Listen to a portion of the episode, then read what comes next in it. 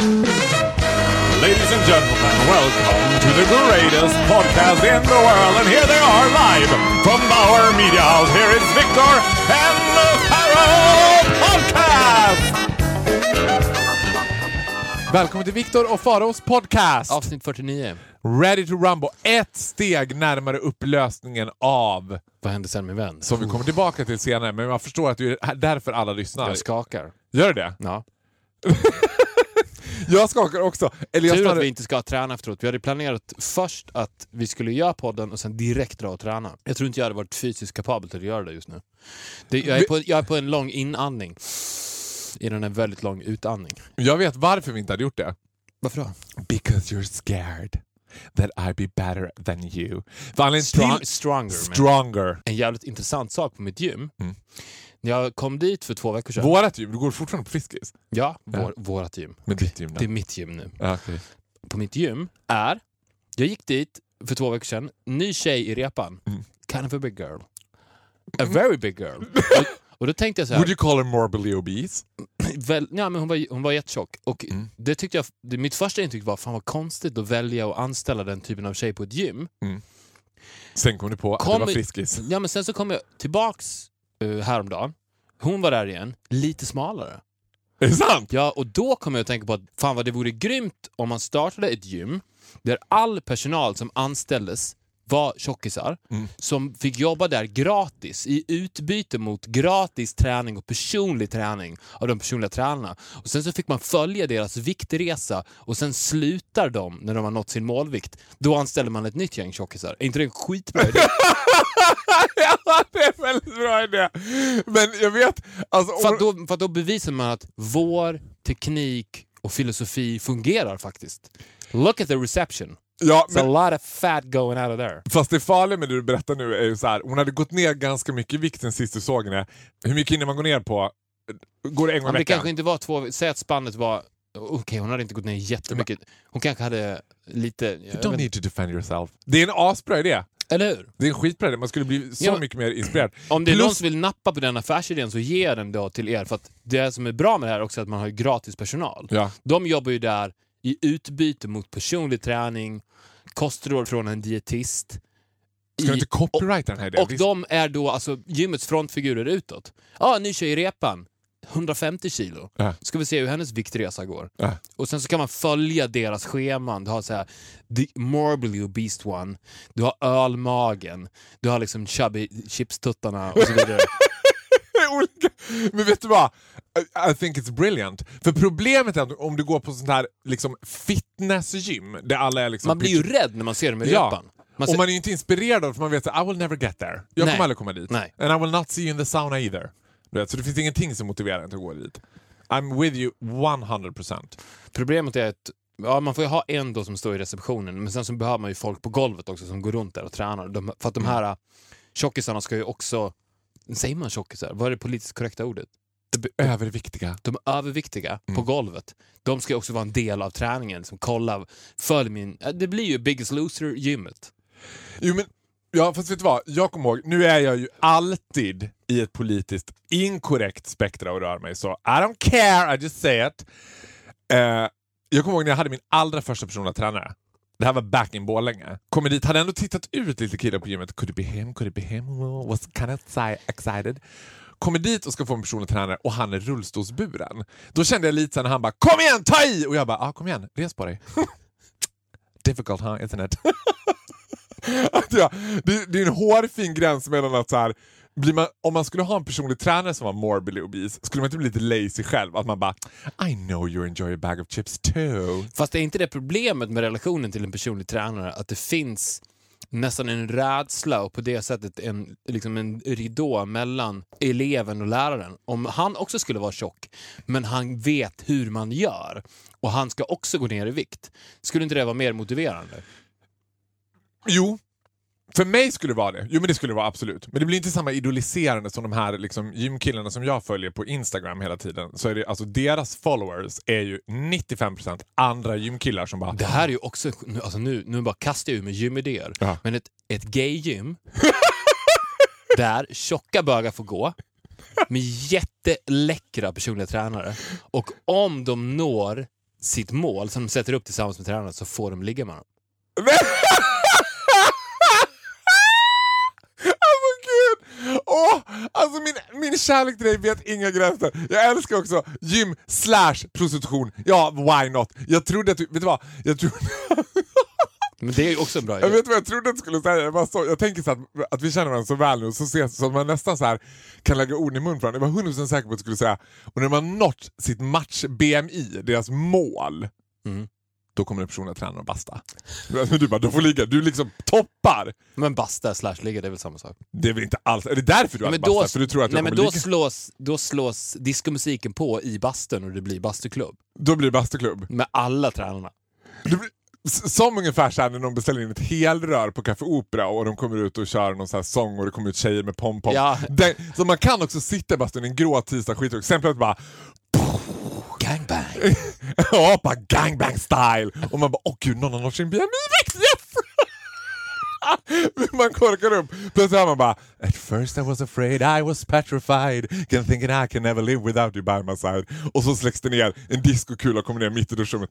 Love it. Ja. I would be there. Och man skulle ju också kunna ha så att Fitfag skulle gymmet heta. Fitfag, det är hur bra som helst. Ja. Ja. men också på Fitfag så skulle man ju kunna ha så att det, här, det finns även, säg att det är en gång om året då det här sker ändå. Ja, ja visst. Ja, som När det är öppet hus. extra morot. Ja. Nej men då är det öppet hus, för då får ju de då får de som inte är signade på gymmet komma dit och trä- provträna en gång och de tror att gud, this is what it's gonna be like all the time. Mm. Då de, men du, kommer du ihåg för två månader sedan när det var gay night here? Du vet? Då, då vet ju de, men kom igen nu, fan. Och de kommer, alla kommer ju peppa varandra också. När de ser att det är någon som är fan nära sin och nå sitt PMI, de kommer ju peppa den personen som fan. Aha, oh ja. Det är briljant! Det är superbra. En, ännu en helt underbar idé från den alltid så ödmjuka Victor Norén. Det- här var väl jätteödmjukt? ja, men jag var inte ironisk. What on earth are you insinuating? Vet du vad jag har gjort då? Nej. I... Får jag bara en, en parentes? Ja. Eh, Jag gjorde en intervju här förra veckan angående... och En då, parentes. Ja, alltså, jag jag ska byta ämne. jag vill bara säga det. Jag vill säga två saker om den intervjun. Det var en intervju med... Du byter alltså ämne helt och hållet? Det är Ja, en parentes. det är en parentes. Det är Ja. inte, jag ska inte byta ämne, jag vill säga det. för- Okej, jag byter ämne. Ja. Skitsamma. Men vi, ditt ämne kommer. Mm. Men, ett, eh, så pratade journalisten jättemycket om dig. Nä. Och dig och mig och hon älskade podden. och Sådär. Ja. Och jag fick då, hon, en av frågorna var så här. kan inte du förklara Faraos storhet? och så fick jag göra det, vilket jag tyckte var jättefint. Alltså fy fan, jag grina. Jag, du ljuger ju nu. Nej, det är sant. Skämtar du? Nej, hon, hon älskade, älskade podden, så jag pratade ganska mycket om den. Men hon sa också i mitt i intervjun, Gud vad du är ödmjuk. Sa hon det? Ja. Så in Ja, your face. Förlåt. Förlåt. In my face. Jag är så judgmental mot dig. Usch. Ja, men gud vad glad Nu blir jag så... Nu kan inte jag säga något... You're always so nice to me. Men jag gör ju alltid som jag blir tillsagd av dig. Det är därför också vår relation funkar så bra. För att du, du gick ju också igenom att eh, ditt liv ser ut just nu som att du blir projektledare för allt du tar, an, tar dig an. Och du är ju lite som projektledare, dels för våran podd men också lite över mitt liv kan man säga, in general. En projektledare liksom. Och sist så pratade vi om så här eller det första du sa till mig när du såg var så här, men gud du är helt underklädd. Det är ju vadå, 27 minusgrader ute. Och jag kommer i en liten lätt En Sara-topp. liten lätt topp. En liten lätt topp från Sara, men en liten liksom bolero runt. Du vet. Och du varför? är ju en skinny bitch. Vet du varför? Nej. För jag har slängt alla mina kläder. Är det sant? Det, jag, jag skämtar inte, jag gick direkt ifrån förra inspelningen hem. För det första har jag också blivit smittad av dig vad gäller att vara produktiv. Jag märker det att din produktivitet är precis den typen av produktivitet som passar mig. För stressade personer, du, är ganska o, du har en ganska ostressad framtoning. Men det finns personer som alltid har "Åh, ja det är så mycket nu, jag har så mycket att göra. Alltså, du vet, jag, vi kommer inte hinna med någonting nu, jag fattar inte hur vi kommer hinna här. Och jag, jag, jag får jobba över det, du vet, jag har så mycket. Du vet. De får aldrig något gjort. Men jag du vet, rensade ur min garderob, nu pratar vi fyra papperskassar, två påsar, alltså såna här sopsäckar. Även din drag-garderob. Rub und stub. Gick på 45 minuter. Och den Skiten är tom nu. borta. Allt jag har är den här Sara-toppen och ett par jeans. Och det är nytt. Och det är nytt! Och vad sa jag om toppen? It's good. It's good. It's good. It's I look good. good. Ja, men det var fantastiskt. Och det sköna var så här, jag körde ingenting med så här, prova, fundera. Ah, men kanske ändå att jag kommer... Jag bara nej, Pff, ner med allt, bort. Nytt år. Vet, du, vet du vad jag gillar med den där toppen? Nej. Att den säger på ett subtilt sätt Okej. I am gay and I'm loving every minute of it. ska inte lägga ut bild på den här toppen nu. Folk kommer bli så besvikna. Folk sitter nu hemma och picture something glittering. Nej, det gör de inte something alls with det. feathers. För att om det hade varit någon, någonting glittery... hade du sett den här toppen i butik och tänkt så här, ah, it's nice, but it's slightly too gay for me. Hade du på riktigt tänkt så här, den är lite för extravagant? Nej, men den är ju subtilt extravagant, det är det jag säger. För att jag, om jag hade haft den på mig så hade nog folk reagerat lite grann. Men eftersom du bär upp den med din sexualitet, den blir liksom ett med fara och grot den där toppen. Ja. Som gör att ett, ett lugn läggs över din sexualitet. Det är inte glitter och glamour som är så här I'm gay! Utan det är så här I'm gay. Oh, gud. It's cool. Det är så jag skulle vilja säga det också, varje gång som är introt till en actionfilm. I'm gay and it's cool. How about you? What's your sexual orientation? Orient... Ja, whatever. Whatever is it. Orientation. Orientation. Jag har i alla fall gjort det och det var väldigt skönt. Det var fabulous. Så du, riding the winter with the, with the top. det är Ja, allt men, du har. ja, men jag tänker så här att när det blir, alltså det värsta, det är mellan 0 till 5 minusgrader. Mellan 5 till 25 så känner inte jag någon skillnad. It, it's, minus is minus. Då är, kallt är kallt. Jag känner inte hur, hur kallt det är. Plus att it's a reason enough to stay inside. Mm. Jag är dessutom bil. Speaking of my car, I have something to tell you. Vad? Is it dying? Gud, det här är så hemskt. Alltså, jag har ju varit så jävla mallig de senaste typ 5-6 gångerna vi har sett här på Bauer Media House, alltså DN-skrapan i Stockholm. För den här parkeringsplatsen som jag har hittat, som du varenda gång vi har åkt bilen har sagt såhär, fan att det är ingen annan, så får man verkligen stå här? Och jag bara, ja det är klart man får. Du vet, var det så kaxig? Jag älskar den här parkeringsplatsen. Vi ska ju säga att det är inte riktigt en parkeringsplats Nej. vi pratar om.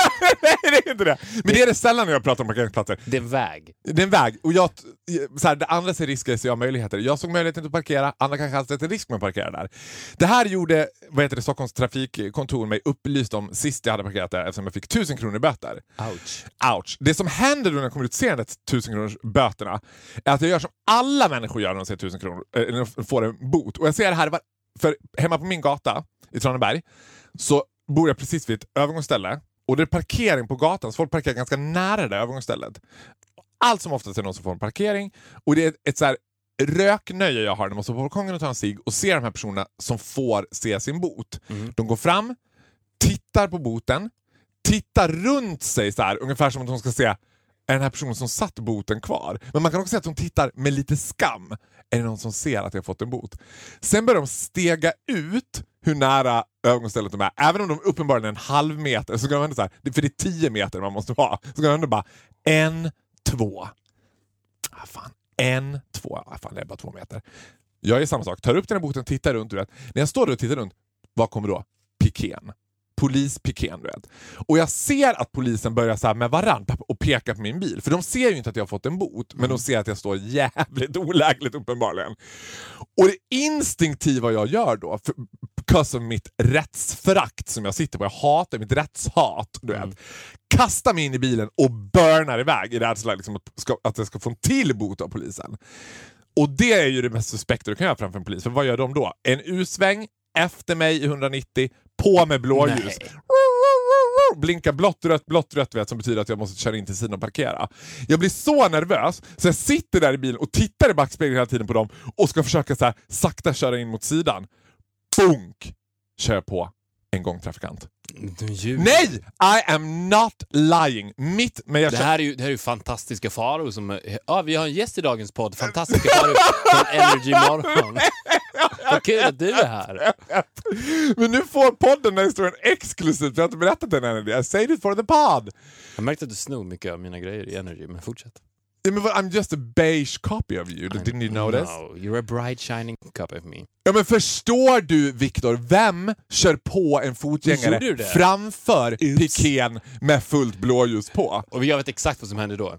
Du vevade ner rutan, visade din nya topp och bara I'm gay.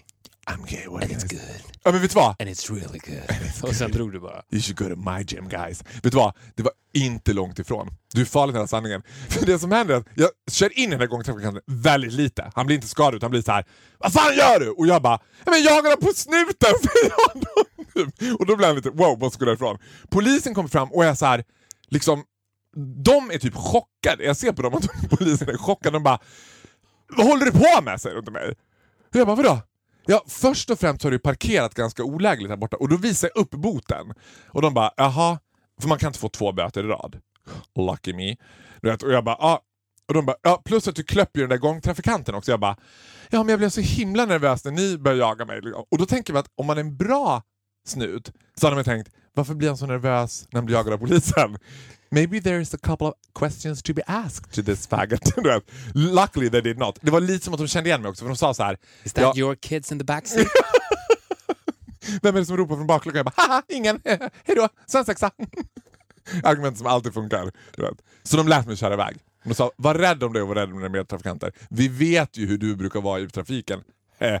Sa de. Men visst är det, det är ett stort problem med, med den maktbalansen i samhället när det kommer till eh, när det kommer till poliser, när det kommer till parkeringsvakter. Ja. Att man skulle vilja ha någon, det borde finnas en, för poliser så borde det finnas poliser som kollade polisen och parkeringsvakter som var vakter över parkeringsvakter. Ja, Precis, och på krogen så borde det finnas spanare som spanade på spanarna.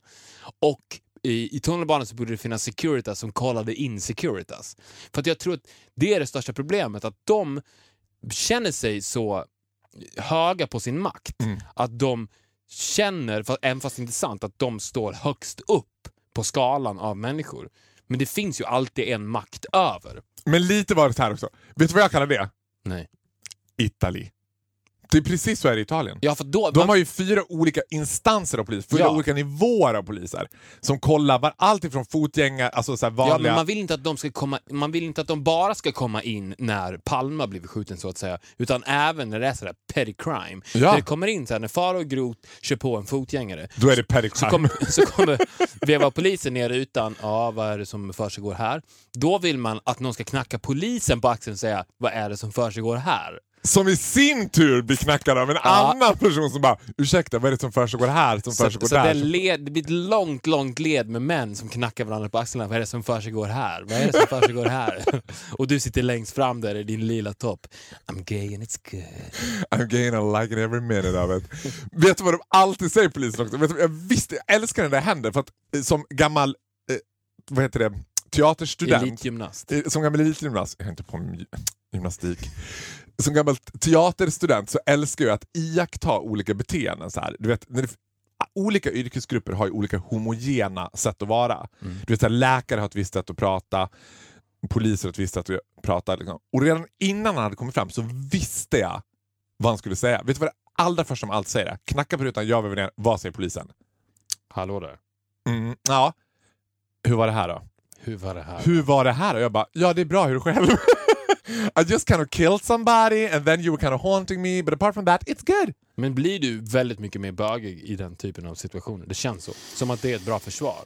Ja, ja, absolut det blir jag. Men jag har ju också ett rättsförakt. Jag hatar ju polisen och, så att jag blir också jävligt spydig. I'm Så- bitchy gay. A bitch gay, så jag måste bita mig i tungan. Alltså är jag packad och blir stoppad av polisen? Alltså, alltså, am I drunk and driving? Nej men alltså om jag blir stoppad av polisen ute och jag har druckit, då är det ju kört alltså.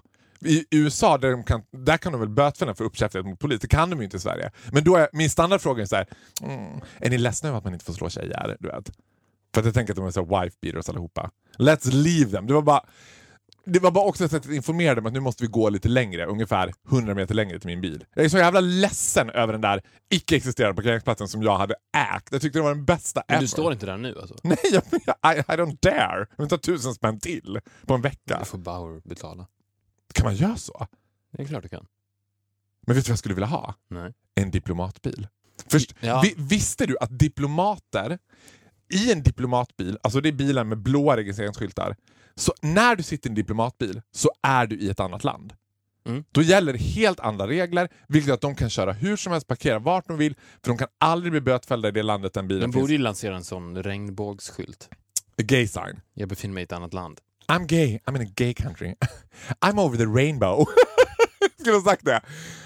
Men vad är det med din registreringsskylt? Jag bara, I'm over the rainbow, liking every minute of it. du, nu kastar vi oss från det ena till det andra som vi gör i den här eh, podden i en rasande fart. Ja. Vi stundar ju vi står ju inför eh, en stor premiär. Snart. Du ska byta Nej, du ska inte byta jobb, kan man säga det? Känns det som att du ska göra det? Känns det som att du ska ge dig in på en ny bana eller känns det som att du är typecastad? Det känns som att jag ger banan en ny väg istället. Ja, det är lite så, vilket känns lite tråkigt. Man skulle ju vilja att det kändes som att du byter bana. Men det känns mer som att du ger banan en ny, ett nytt ansikte. Jag ger banan ett nytt ansikte. Citat Victor Norén. Victor Norén. Jag ger banan ett nytt ansikte. Du kan inte vara så där ödmjuk med journalister. You need to show true colors.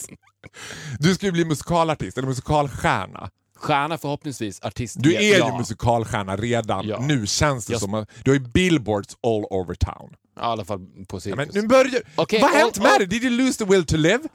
I missed All all, over Victor. fucking down. Okej. Ja. Ja, det stämmer. Jag ska bli musikalstjärna. Premiär 20 februari på Cirkus. Huvudrollen i American Idiot som är en Green Day-musikal. Exakt. Och då tänkte jag så här. Jag är ju ingen schlagerbög, men jag är lite ändå musikalbög. Och då tänkte jag på dina skills vad det gäller musikaler. Så jag tänkte göra ett litet musikalquiz för dig nu. Där jag helt enkelt kommer att presentera plottarna ur några av världens mest kända musikaler. Kort, koncist, snabba svar från dig. Okej, jag flaggar redan nu för mycket rött. Jag kan väldigt lite om musikaler. Vi kör direkt då, vi bara kör får vi se hur det går. vi kör. Det här utspelar sig i Grekland, den grekiska övärlden. Vi har en mamma som ska, eh, vad heter det, Ma- mamma och dotter som lever ensamma. Mammans tre gamla killar återvänder till ön och hon reunites med de här tre med, för att hon ska gifta sig. Hon ska gifta sig med en av de här tre och de tre kommer till den här ön och hela musikalen utspelar sig på den här övärlden i Grekland. Mamma Mia. Åh, du är bra! Du är bra! Den, har du sett den? Nej. Hur fan kunde du veta det då? Jag, Den storyn är ju fruktansvärt tunn. Det är en sån där musikal där... men vet du vad? Det är det jag, jag gillar musikaler med tunna stories. Och det det är American Idiot är också en musikal med en tunn story. För att du kan, om du ska ha en mastig story och, Mm. och framföra den med sång, så, så faller lite det mellan stolarna. För att, why not just speak? Så att det är så här, du hatar Les Misérables typ. Åh, jag hatar den. Inte alls det. Vi dunkar på med nästa. Här utspelas, den här musikalen utspelar sig i New York. New York, jag skulle säga sent, eh, nej inte sent, men så här, mitten av 80-talet skulle jag säga. Första musikalen också där det förekommer en transvestit.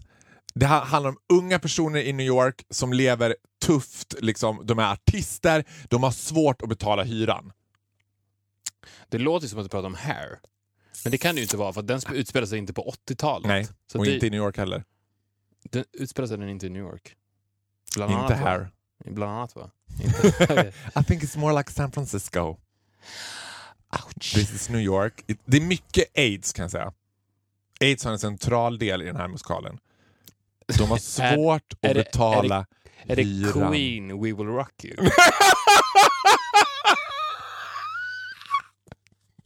är så jävla politiskt korrekt. Nej, det är inte Queen Will Rock You. Säger det.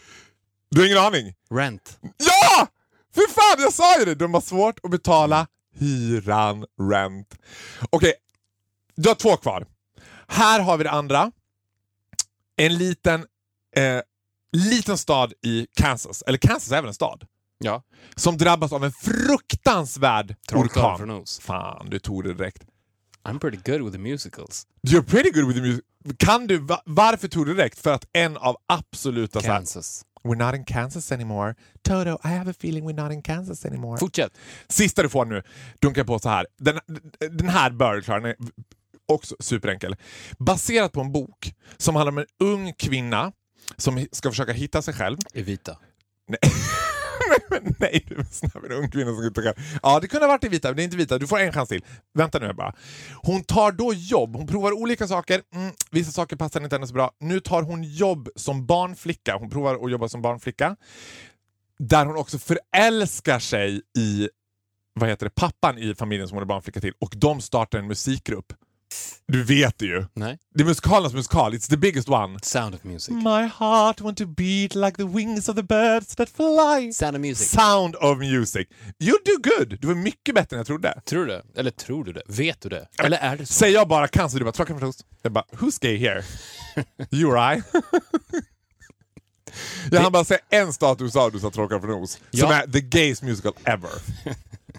Det här, det här hade också Vet du- varit ett bra gay-quiz. Kuriosa, vet du vad som var så här, en, en hemlig så här, grej man körde i San Francisco eh, för att fatta om någon var bög? Det här är sant. Under liksom, sent 70-tal, tidigt 80 när det inte var, man inte var Nej. helt öppen. Då kunde man fråga så här. Are you team Dorothy? Och var man team Dorothy, då var man bög. Are, are you working out as fit fag? Ja, det är lite för avslöjande. So where are you working out? Fit fag? Yeah, I got a fit fag. It's quite a nice gym. Oh, so you're also gay? Då har man, då har man ju lämnat, lämnat ut det lite väl. Ja. Nej, men jag, tror, att- vet vad? jag tror att det här kommer att gå jättebra för dig. Men vad kul. Du kommer på premiären va? Eh, ja. Front row. Tears in your eyes. I'm in the middle. Jag kommer ställa mig upp också plåttack och skrika I made him. He's mine! I made him! And he made me. And he made me. Will you marry me? Hade du älskat om jag hade gjort det? Eller bara, du hade bara skärp dig. Shh, Sitt där far. Sitt far. Vet du vad? Gud vad roligt. Jag skulle komma som också den där paranta... Ska jag, säga, ska jag föreslå för Filip Sandén, regissören för American Idiot, att du ska vara min understudy? Jag, jag tror i den rollen du ska göra att det hade varit svårt att hitta en sämre understudy alltså. Så- Okej om du skulle spela huvudrollen i Rocky Horror Picture Show, men nu ska det vara ändå Green Day, American Idiot. Jag tror att var, jag vet inte riktigt. Men det hade varit Föreslå det som ett prank, så här. du är helt seriös. Ja, men jag funderar, den här killen är asbra, han kan sjunga behjälpligt liksom. Men han är ändå den som har mest essensen av. Då hade jag sjukskrivit mig och sen gått och köpt biljett och gått och tittat. And you will laugh your heart out. Hur lång tid tror du att det dröjer innan det kommer en musikal om David Bowie? Ett år? Ett och ett halvt? Det, det finns väl redan en? Va? Jag tror det. Jag Som handlar om David Bowie? Det borde göra det tycker man. Okej, ah. Ja, det kanske det gör. Nej, men nej, Nej. det känns som att man måste dö. Det är bara ABBA som kan göra en. Evita var död innan det blev en musikal. Du vet, it's gonna be musical. Det, det är bara en homosexuell som har så stora krav på att få bli en musikal. Att man måste dö först. Ja, men Freddie Mercury died before the musical. Mhm. Ska du jag skriva en Finns musikal? det en musikal om Beatles? Det är ju ja, helt Ja, det finns det. Som heter... Nej, men den heter Love. Jag, tror, jag vet inte om det är en musikal eller om det är mer en show. Ja, de fick ingen musikal, de fick en krogshow. Beatles fick en krogshow som går på Harrys nu runt om i landet som heter Obladi Oblada. 19.30 Obladi På Wallmans. Obladi Oblada på Wallmans. Det är ju sjukt konstigt att det inte finns en. Men det finns en som heter Love. Jag vet inte om den skulle kategoriseras. Det är Cirque du Soleil. Jag vet inte om det kategoriseras som musikal. Nej! Gud, Cirque du Soleil. Har du sett Cirque du Soleil? Nej, Det men värsta jag sett i hela mitt liv. Hatar Cir- Cirque du Soleil. Jag har alltså också sett det värsta ever, värsta kombinationen du kan tänka dig. Jag har sett Cirque du Céline. Half Cirque du Soleil, half Céline Dion for no reason. Det var typ det konstigaste jag sett i hela mitt liv. Céline Dion du sjunger... gillar inte Celine Dion? Jag, tror Jag du älskar Céline Dion, men jag älskar inte kanadensiska clowner som rullar jättestora badbollar över scenen under tiden som de bara aj, aj, aj, aj, aj, aj, aj. Det är också så här, du vet, jag älskar cirkus, jag är supercirkusfetisch. Men jag gillar inte ny cirkus. Nej. Jag älskar gammal traditionell polsk, liksom, när det är kackig cirkus. Mm. När man känner att ja, det är livsfarligt när de hänger i trapetterna. För här finns ingen säkerhetstänk alls. Du vet, jag tänker alltid det med ny cirkus. För, för några år sedan så fick en ny cirkus någon sorts revival när folk skulle hänga i tyger och falla ner och liksom, fångas 30 centimeter från marken. Jag bara, det här är inte kul unless you break your neck. För att så här, då, Du ha- vill att det ska vara freakshow? I love freakshow. Jag älskar den gamla tidens varietéer.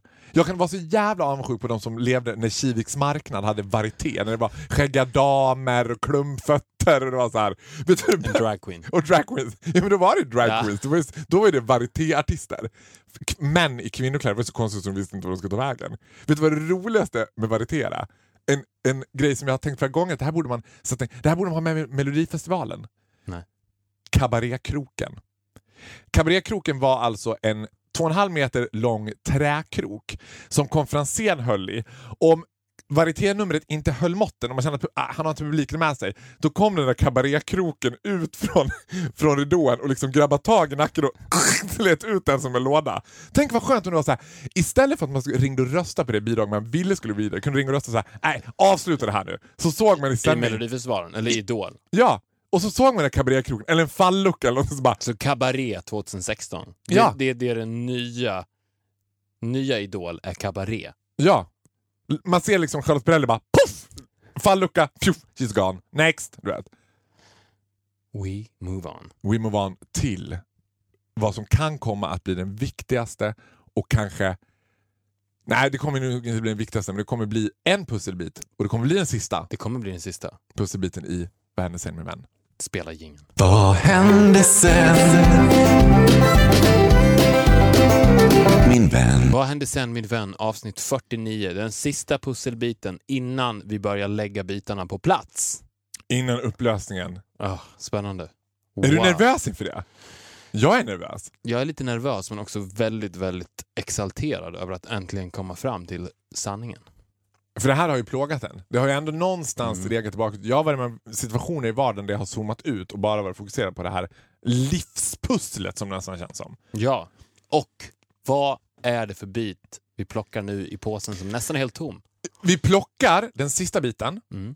Det är kanske en av de nyaste Vad hände sen med vän? Eller som senast försvann. Men det här är också en person som förs- försvann rakt ut i iskylan. Och det här är också en person som försvann på ett sätt som är ganska extremt. Att gå ifrån Total superfame. alltså super fame beyond fame Ja. till nothingness Till absolut iskyla. Vi pratar på om... en mening. Och den meningen var Jonas, jag vill göra slut med dig. Vi pratar såklart om Jonas Bergström. The Nemesis of Chris O'Neill. The nemesis of Chris... Ja, men Chris O'Neill känner ju bara så här 1-0 till mig. Han skrattar Jonas Bergström i ansiktet. Alltså det här var ju ett av... Du vet så här, Ska, alla vet att det är Madeleines ex. Ja, men vi måste bara pegga upp det så man får känslan av hur det här var i kölvattnet. De var precis nyförlovade. Det var verkligen så Jonas Bergström var, var ju också lite så här. Han hade liksom en så lite dumsnäll uppsyn. Man tyckte att han var... Jag vill minnas, han kanske inte gjorde det, men han såg ut som en kille som skulle kunna läspat. Liksom. Det var lite så här, liksom, han var så här gullig liksom. Och, söt. och de hade precis annonserat... Han passade ju på det sättet mycket bättre in i kungafamiljen än Chris O'Neill. Alltså han hade ju gråtit tårar, floder på Carl Philip och Sofias bröllop. Men han kändes... Ja, nästintill, om möjligt, att han kändes lite för helylle. Det var nästan på den nivån för svenska kungafamiljen. Som svenska kungafamiljen. Madeleine blev lite Lindsay Lohan i jämförelse med Jonas Bergström. Det var, du vet, han var så jävla gullig until the dark side of his funny business in Norway. Och jag, alltså, du vet, jag tänker också att den där känslan man måste ha haft. Jonas Bergström har ju vetat om sitt lilla felsteg länge. Den här jävla Ingvild eller vad hon hette i Norge. Plötsligt, du vet, och han är bara så här, äh, men hon tiger nog, liksom, hon kommer nog hålla käften. För det var ju några år sedan han gjorde det. Mm. De annonserar och vad gör tjejer?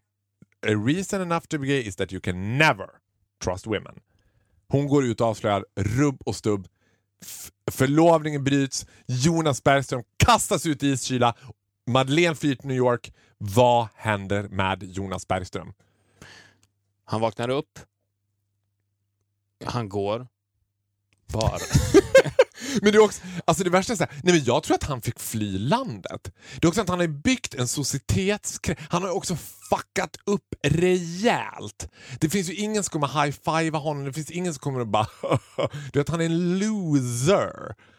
Men tror du att han hyser ett agg och planerar någon form av hämndaktion mot Chris? Eller tror du att han har valt att gå vidare? Jag kan tänka mig att han... Nej, men det går inte att han ska hämnas på eh, Chris. Det blir David och Goliat. Alltså vad ska han liksom sätta emot Chris O'Neill? Det kommer bara bli Jag jävla... vet exakt vad han har gjort nu. Det här har Jonas gjort. Han, Älskar när du får en epiphany. Tell me. I'm with you. han svär dagen efter förlovningen bryts, som jag tror kan ha brutits av Christopher O'Neill. Att det var han som ringde dem. Tror du att han... Hello, it's uh, Christopher here. It's Lord Christopher O'Neill. Är han Lord eller Sir eller Byron? Han är Sir Lord. Sir Lord Byron Chris O'Neill. This is Sir Lord Byron Christopher O'Neill calling from London. You're fired. For life. For life. Och då, då tänker Jonas här. Först tänker han ingenting. Han lever ju i chock i, Ja. i en månad. Ja. Och under den månaden, får jag bara kasta in en brasklapp. Under den månaden så tror jag också att han blev så jävla pitied av alla. Jag tror att hade han blivit stoppad av polisen för fel parkering, man rev ner rutan. Hur var det här? Jaha, oj. Oh, aj då. Ja, eh, du, ta hand om dig. Så hade de bara låtit honom köra. Man skulle se det bara raserar. Men en sak som sker med en person som blir på det sättet, eller hamnar i royalty, Mm. Är ju att det fuckar upp ens självförtroende. Ja, Och Uppenbarligen. För att, för att det blir en annan sak när du föds in i det. Men när du kastas in i det på det där sättet och du kommer inte Mm. därifrån, det ligger inte i ditt blod eller ditt DNA, så får du ett skevt självförtroende. Så att han tar ju med sig ur den här relationen, självförtroendet, från att ha varit kunglig. Mm. Så att på insidan så är han ju fortfarande kung och han tänker så här då, hur ska jag hämnas på Christopher O'Neill? Jag måste se till... men varför ska... Ja, ja just det. Ja, men det, är- ja, det är han som bryter. Sir Lord Byron. Sir Lord Byron är det ju som har... Ja. Och han har tagit hans tjej och det, det, är, ett, det är en naturlig mänsklig reaktion Ja. att man hyser agget emot Ja, killen som klart. tog en tjej. Ja.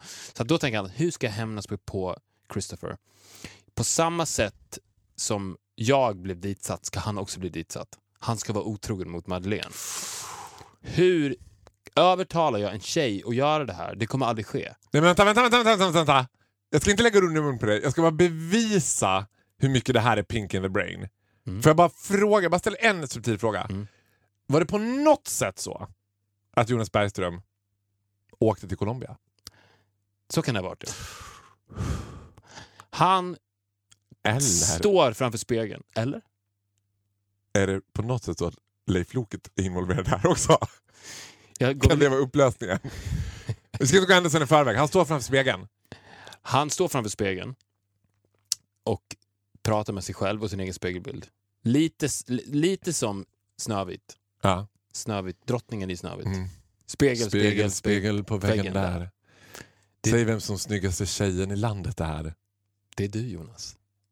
Det är du Jonas. Ja, för att han har också ett helt uppfackat självförtroende, så han tror själv. Ja, att han vet att den, den enda personen... För det första blir det svårt för honom att övertyga någon annan att försöka stöta på Chris O'Neill och få Chris O'Neill att ta ett snedsteg på fyllan. Ja. Alla vet att Chris O'Neill inte tackar nej till en fylla. Nej. Så där, Men tackar Chris O'Neill nej till ett felsteg? det är ingen som vet. Vad tror Men du? Det, jag tror kanske inte det.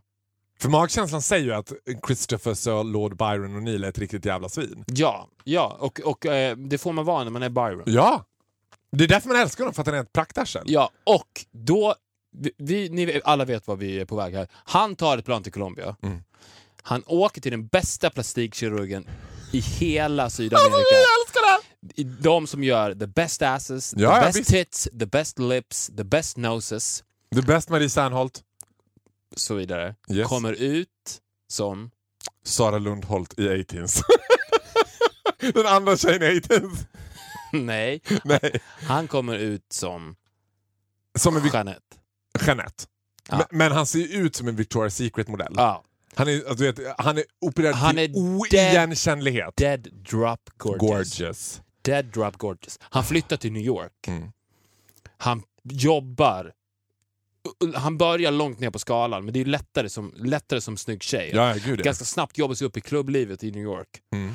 Han blir en it-girl inom ett halvår. Han blir en super it girl. Jag ser framför mig att han är någon typ av en amerikansk Kate Moss. Att det är liksom den känslan typ. Mm, ja, Fast assnygg. men du, det, det krävs ändå att du måste komma upp på en sån extrem nivå. Ja, visst. Och det är svårt själv också. Han känner ju ingen New York. Så att han tar då, i Colombia, träffar han en väldigt snygg tjej. Nej! Och jag vet vad jag önskar? Jag önskar att alla ni där hemma kunde se det här glittrande blicken som du har just nu. Nu, är vi ju, nu är vi inne på avsnitt 50 Vi, tass, alltså. vi, Vi tassar vi säger lite. inte mer än Nej, så. vi säger inte mer än så här. Han, han träffar en jävligt snygg tjej i Colombia. En otroligt vacker svensk tjej. Mm. Och, så, Som sen, inte- och sen så kan... Ja, som inte helt osannolikt skulle kunna ha vänskapliga band till prinsessan Madeleine som hon inte skulle ha mycket emot att klippa. nej. We say no more than this. Jag tror, vet, du vad? vet du vad jag tror? Mm. Jag tror vi ska lämna det här nu för nu är vi, vi bara nosar på någonting. Mm. Cliffhanger. F- Får jag fråga en sak? Du kan utelämna det här och spara Mm. till avsnitt 50 om du vill. Och, men lyckas han? Det avslöjar vi absolut inte. Förrän nästa avsnitt? Eller avslöjar vi inte det överhuvudtaget? Vi kan ju säga att det fanns ju en anledning till varför Chris var lite rufsig i håret i Skavlan. Sir Lord Byron Christopher O'Neill. Åh gud. Men jag gillar Christopher O'Neill. Ja, vi älskar ju Christopher Ja. Reeve. Ja, ja. Hoppas inte att han var det. Men vi, vi, vi lämnar det. Fantastiskt. Åh gud. Det här är, nu, är, nu är det längtar mig så mycket som jag vet inte vad man ska ta vägen. Alltså, det här blir ju superspännande. Ja, nästa vecka är det. Nästa vecka är upplösningen, avsnitt 50. Då kommer hela avsnittet dedikeras till att lösa det här pusslet. Så att missa absolut inte, missa aldrig Viktor och Fares podcast, men missa absolut inte avsnitt 50. And tell your friends. Och det bästa man kan göra då är att om du har missat det, är att sträcklyssna på alla avsnitt så du får hela det där pusslet i ett. Och vi vill tacka er för alla mejl där folk skriver att de har sträcklyssnat. Mm. Och det som är, man tycker lite synd om dem, för att när man har sträcklyssnat så blir man ju beroende av de här personerna rakt in i ens hjärna via hörlurarna. Ja. Och nu får de det bara en gång i veckan. Får jag fråga dig en sak för att knyta an till eh, det vi började dagens avsnitt med. När du sitter med den här journalisten och säger så här, förlåt jag måste fråga, kan du förklara Faraos storhet? Var det som att du för fem sekunder var på väg att säga, ja, Faraos storhet sitter mitt framför dig. Vet du vad, jag hittade en hög Play-Doh i Borlänge för ungefär 15 år sedan. Sen byggde jag Sveriges mest framgångsrika bög. Se på honom idag. Var det lite så du kände? Nej, jag känner, jag känner en stolthet snarare. Men gud, Han är fantastisk den där Farao. I love you. I know. Ja, men jag tänkte på när du sa så här, att ta sig in i ens huvud, att, så här, att den känslan, jag menar, it's, it's a good feeling. It is nice. It's a good feeling. Vi fick också ett annat, eh, om vi pratar lite om våra mejl, vi fick en, en parentes, en rolig bild. Det var ju någon som hade skickat en bild på, det var något klipp från något klipp med Justin Bieber. Så var det en ruta som så stod det bara så här People keep calling me a twink, I don't know what that is. Nej gud, den har jag också sett! Då måste någon ha skickat den till mig också. Jaha, är det sant? Ja, Why are you calling me a twink? I don't know what that is. exactly. I think we just need to call Justin and tell him what it is. Hur fan kan You han inte... do it. Ja, and Justin, you knows it. You knows what it is. I Justin, know you knows it. you knows it. You know, I know that you knows it. Justin, I know that you knows it. Gud vilken grej det hade varit! Tänk om vi kunde få till! Hur tror du så här? Jag tänker på Filip Fredrik gjorde ett program som heter Sexsteg. eller något sånt där. De, Ja. de hade en teori om att man är, från alla Six människor, degrees of, of separation. ja, att i hela världen så är man bara sex, liksom, sex personer ifrån alla andra Det är ju människor. en person från Justin Bieber. Ja! Men jag skulle gå och få till ett telefonsamtal med Justin Bieber där man bara hade varit såhär, vet du vad, vi kan, jag, vet du vad Justin? Jag kan ta på mig och förklara för dig vad en twink är. Det hade varit fucking legendary ju. Fucking legendary. Det, and it's a task. Det är kanske det, när vi avslutar Vad hände sen min vän? Så inleder vi ett, nytt segment som heter Farosplaining. Faro ringer upp olika Contact. Contact Justin. Contact Justin. Och sen så jobbar vi varje vecka på att kontakta Justin Bieber. Svårt. Vi får se. Ja, men du är ju mycket bättre på än vad jag är. För du vet, är det någonting de där duktiga PR-människorna vet så är det ju stay away from funny gay people. Mm. Especially since he's a twink. And especially since he doesn't Men inte, knows inte så många år till, så du har inte jättelång tid på dig. Man undrar ju så här, om Justin Bieber fortfarande kommer att vara känd om tio år, vad kommer det vara för typ av kille då? Det kommer vara en Leonardo, Leonardo DiCaprio-kille. En sån här plufsig, liksom skäggig. Mm. Ja, klockan tickar ju ner, så du får ju skynda dig. Oh. That twink clock is ticking. Tur att det är bara ett avsnitt kvar av Ända sen vän så jag kan börja jobba på Justin. Mm. Tack för att ni har lyssnat på avsnitt 49. Av Viktor och Faros podd. Glöm inte att mejla oss på viktorofaro.gmail.com. Jättekul att ni gör det. Och följ oss på Instagram. Yes. Vi ses nästa vecka Det gör vi. inför the big upplösning. Hej då! Hej då!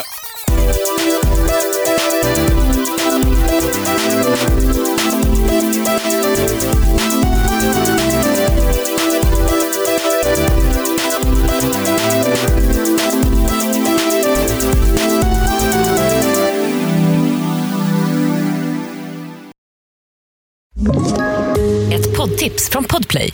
I podden Något Kaiko garanterar östgötarna Brutti och jag, Davva, dig en stor dos skratt.